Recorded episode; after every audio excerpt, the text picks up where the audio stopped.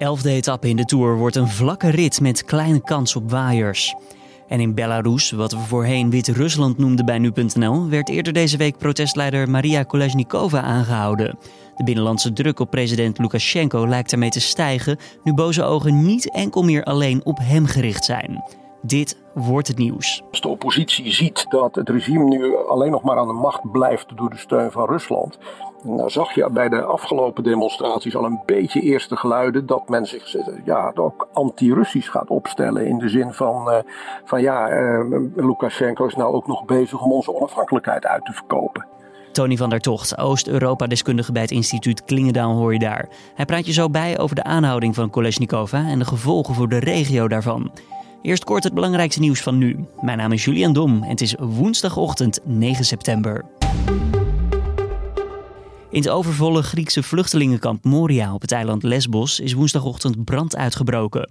Bewoners van het kamp worden geëvacueerd. De oorzaak van het vuur is nog onbekend. De Griekse brandweer is druk bezig met bluswerk, maar de harde wind maakt dat lastig.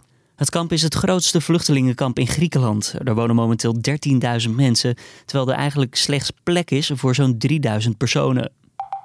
Onderzoek naar een coronavaccin door de Universiteit van Oxford en farmaceut AstraZeneca is tijdelijk stilgelegd. Bij een van de Britse proefpersonen is mogelijk een serieuze bijwerking opgetreden.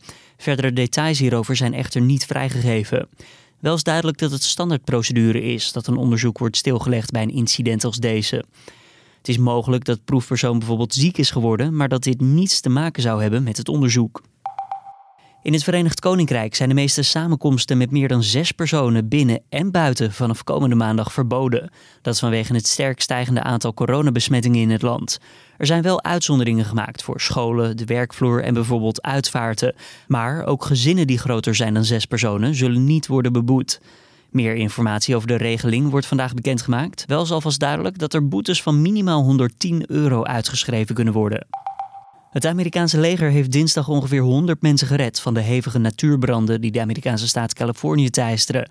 Met helikopters werden ze grotendeels gered uit het gebied.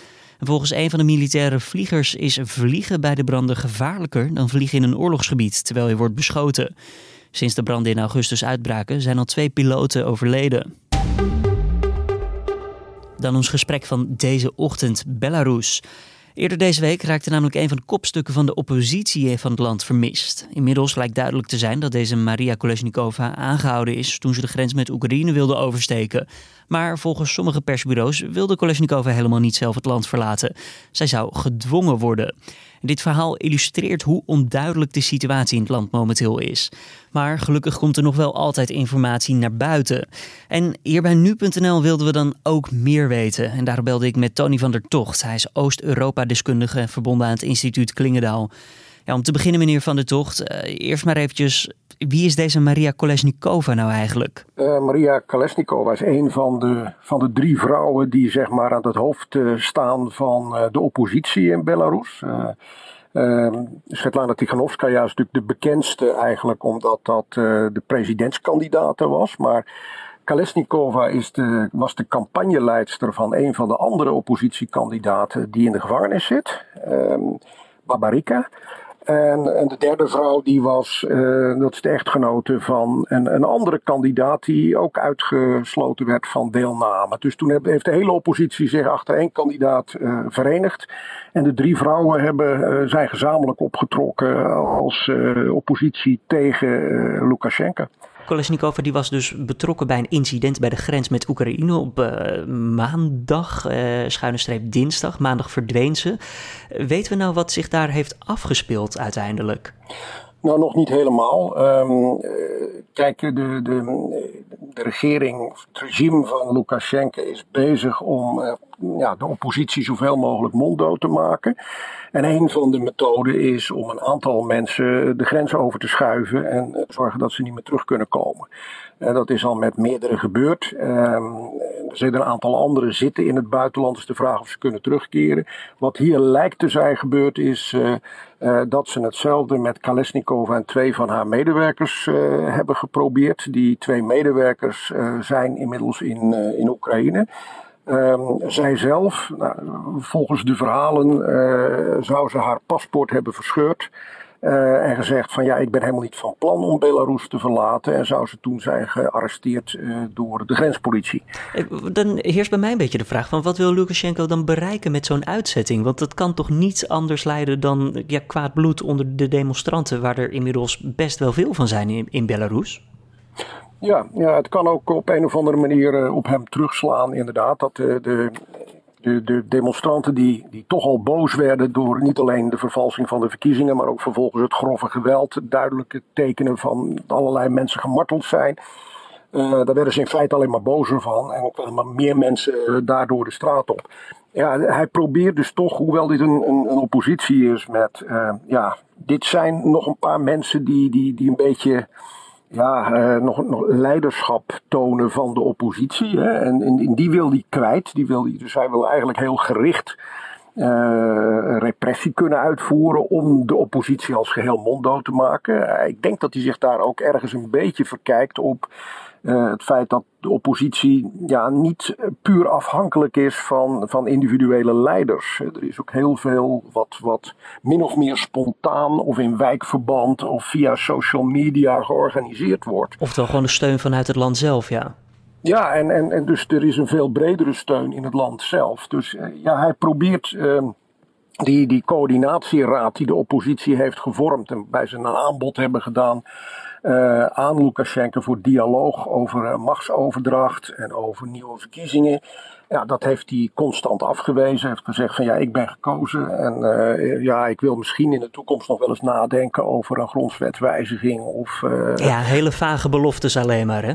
Hele vage dingen die een beetje als zoethoudertje bedoeld zijn, maar een, een, een, in dialoog gaan met die georganiseerde oppositie. Uh, dat heeft hij niet gedaan. De, de, de, organisatie van dat, die coördinatieraad is, is illegaal verklaard. Um, en, en worden nou ja, stuk voor stuk uh, opgeroepen um, om, uh, om zich te melden bij, uh, bij het Openbaar Ministerie. Maar is er, is er dan, als we naar die ja, soort gedwongen uitzetting die niet gelukt is dan kijken, is er nog een excuus voor genoemd dan? Hebben ze nog geprobeerd dit onder te, onder, ja, te verdoezelen onder een of andere vorm van, ja, wat dan ook? Hebben ze geprobeerd om er zelf goed vanaf te komen? Nee, er, er wordt dan gewoon gesteld van ja, nou, zij was illegaal bezig en uh, nou, zal zich moeten verantwoorden. Gewoon zo simpel als dat? Ja, ja. Ja, misschien dat er ook nog een beetje een externe dimensie uit, uh, aan zit. Want uh, Zoals? bijvoorbeeld Tiganovskaya, die zit nu momenteel. Nou, ze zijn degene die naar het buitenland zijn uh, uitgewezen. Tiganovskaya zit in Litouwen. hoe Lukashenko het ook tegenover Poetin begint op, aan het framen is, is van, van ja, hier, kijk, daar zit daar een, zit een mensoppositie in het buitenland, worden gesteund vanuit het buitenland door de EU, door de NAVO, door Polen, door Litouwen. En uh, er is dus sprake van buitenlandse inmenging. Dan hoopt hij een beroep op Poetin te kunnen doen. Van ja, maar hey, dat kunnen we toch niet laten gebeuren. Uh, we zijn samen bezig. We zitten samen in de, in de Uniestaat. Ja, want die steun vanuit Rusland die was aan het begin best wel groot. Toch is die dus nog altijd dan onverminderd groot als ik u zo hoor? Nou, die steun was uh, in het begin een beetje vaag. Uh, Poetin die keek het uh, allemaal maar eens aan. En kijk, zijn belang hierbij is vooral om om een zwakke Lukashenko te hebben tegenover zich, uh, met wie hij makkelijker kan onderhandelen over verdere integratie tussen Belarus en Rusland. Um, en, en pas in een, in een latere fase, toen die, die oppositie, die de grote demonstraties, dat bleef maar komen. En um, toen heeft hij. Um, uh, eerst toen journalisten van de televisie, de nationale tv, uh, daarmee ophielden, heeft hij mensen gestuurd van Russia Today, van, van Russische kanalen, om dat uh, allemaal aan de gang te houden. En om daar meteen een soort ja, pro-Lukashenko verhaal van te maken. En, uh, en niet meer echt het beeld te geven wat die journalisten daarvoor probeerden, ook van de oppositie en wat de oppositie wilde en van de demonstraties. Um, hij heeft ook aangegeven, maar dat, is, dat was meer een morele steun, van dat als het echt uit de hand zou lopen met die demonstraties, dat hij ook uh, eenheden van de Nationale Garde en dergelijke achter de hand zou hebben om eventueel Lukashenko te steunen. Maar ja, dat is naar eigen invulling van Poetin, wanneer hij is, het uit de hand vindt lopen dus. Ja, ja, ja dat is heel duidelijk. En, uh, en daarom, ja kijk, uh, Lukashenko probeerde de afgelopen jaren steeds te balanceren tussen het Westen en, en de druk van Rusland tot, tot verdere integratie. Nou ja, hij is nu die bruggen naar het westen is die kwijt. Dus hij is eigenlijk, moet hij nu genadebrood eten bij Poetin. En uh, ja, is de vraag of hij zich daar nog een beetje onderuit weet te uh, worstelen. Um, de afgelopen dagen hebben we gezien, uh, de, de, ministers van Buitenlandse Zaken ontmoeten elkaar, de ministers van Defensie.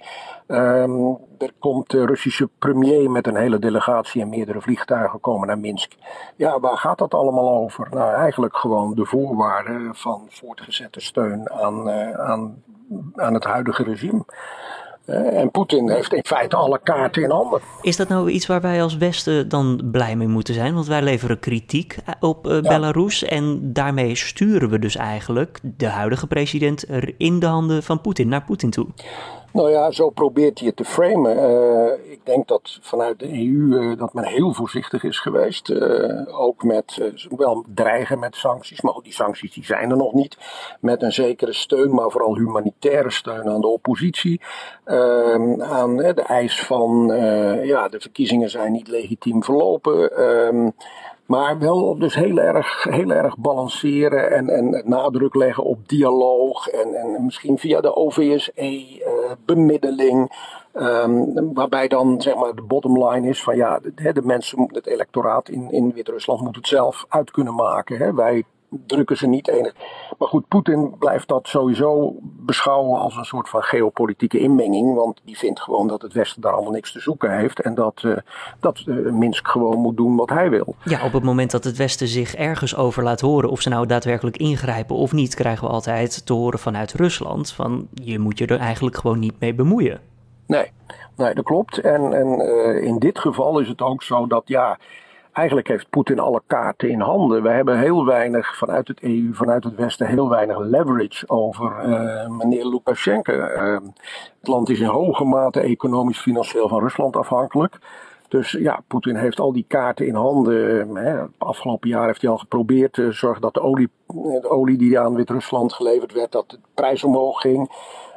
Als, ze, als ze zich niet gedroegen naar de wensen van Moskou. Um, ja, en nu ook. Uh, nu, nu heeft hij al, Lukashenko heeft al die banden met het Westen eigenlijk, uh, ja, die, die heeft hij verpest. Um, en, en, en, nu, uh, ja, Poetin stelt hele duidelijk, wil dat regime nog wel overeind blijven houden. Um, en, en ja, speelt daarbij in op de zwakke, de, de, de zeer verzwakte, de ernstig verzwakte positie van Lukashenko. En, maar ja, in, het, in, het, in het voordeel van Poetin moet Lukashenko dan wel daar blijven zitten, al is het dan inderdaad verzwakt. Uh, nou ja, op dit moment wel. Ik, weet niet of op de langere termijn uh, dat ook uh, voor Rusland gunstig is. Lukashenko is altijd een lastige klant geweest om mee te onderhandelen. Maar hij zit nu in een hele vervelend, voor hem vervelende positie. Daar wil Rusland best gebruik van maken. Maar als die op een gegeven moment, als er dan echt een alternatief is, dat voor Rus, die ook in, in pro-Russische zin of zo handelt ja, dan willen ze hem ook best wel inleveren. Uh, en uh, een ding waar ze dus heel erg mee uit moeten kijken in, in Rusland is. Op dit moment is die hele oppositie, die mensen die de straat op gaan, die demonstraties zijn niet tegen Rusland. En die zijn ook niet pro-EU. Uh, maar dat kan gaan veranderen als de oppositie ziet dat het regime nu alleen nog maar aan de macht blijft door de steun van Rusland. Nou zag je bij de afgelopen demonstraties al een beetje eerste geluiden dat men zich ja, ook anti-Russisch gaat opstellen. In de zin van, uh, van ja, Lukashenko is nou ook nog bezig om onze onafhankelijkheid uit te verkopen. Uh, dus dat is iets wat Rusland eigenlijk ook niet zou, zou moeten willen. Maar het is een beetje altijd het kiezen tussen twee kwaden. En, en voor Rusland is het minste kwaad gewoon Lukashenko laten bungelen. En in harde onderhandelingen daar voor Rusland de meest gunstige voorwaarden uitslepen. Tony van der Tocht, Oost-Europa-deskundige verbonden aan het instituut Klingendaal. Hartelijk dank voor deze toelichting. Dan even een vooruitblik op de Tour de France. Ja, deze woensdag staat wederom een vlak parcours op de agenda. En deze loopt deze keer van Châtillon-Plage naar Poitiers. De renners trekken in de 167 kilometer lange etappe van de kust naar het binnenland. En daardoor is de kans op waaiers ook een stuk kleiner dan de dag eerder. De kleinere ploegen zullen uiteraard weer hun mannen vooruitsturen voor een ontsnapping. Maar de kans is klein dat zij tot aan de meet voor het peloton zullen uitblijven. Tourorganisatie heeft in Poitiers namelijk de ideale aankomst gecreëerd voor een koninklijke massasprint. In de laatste anderhalve kilometer is geen bocht te bekennen, waardoor de sprintersploegen continu het overzicht kunnen behouden. Het weer nog eventjes. Woensdag is de hele dag bewolkt en er valt regelmatig regen. S'avonds begint het wel weer een beetje op te klaren. Er verder waait er een matige zuidwestenwind en de temperatuur ja, zo'n 18 tot 21 graden. Het is nog even wachten op die nazomer. Hè? Nou, als ik uh, ja, zo tussen 1, 2, 3 eventjes kijk op, uh, op internet, dan zie ik volgende week maandag en dinsdag, maar dat is nog heel lang weg, dat er temperaturen van 26 tot 29 graden worden verwacht. Dus het komt er wel weer aan. Nog even geduld dus. Nou, op het einde van deze podcast ook nog even nieuws over Kim Kardashian. Die heeft namelijk dinsdagavond op Instagram laten weten dat het twintigste en laatste seizoen van de bekende reality-serie Keeping Up with the Kardashians begin 2021 moet worden uitgezonden. Ja, en dat hoor je goed, het twintigste en laatste seizoen dus. Kardashian legt in haar bericht niet uit waarom de familie stopt met het wereldwijd bekende programma. Maar ja, mocht je het gemist hebben, Keeping Up with the Kardashians volgde zussen Chloe, Kim en Courtney. Maar ook hun ouders, Chris en Caitlyn en de halfzusjes Kendall en Kylie Jenner komen aan bod. Dit was dan weer de Dit Wordt Het Nieuws podcast van deze woensdag de 9e van september. Tips of feedback? Stuur naar ons toe via podcast.nu.nl. Heb je een vraag voor de hoofdredacteur Gert-Jaap Hoekman? Kan je dat naar datzelfde adres toesturen? Dan zullen we deze behandelen komende vrijdag in de week van nu. Ik wens je voor nu een hele mooie en fijne woensdag. Mijn naam is Julian Dom en tot de volgende weer.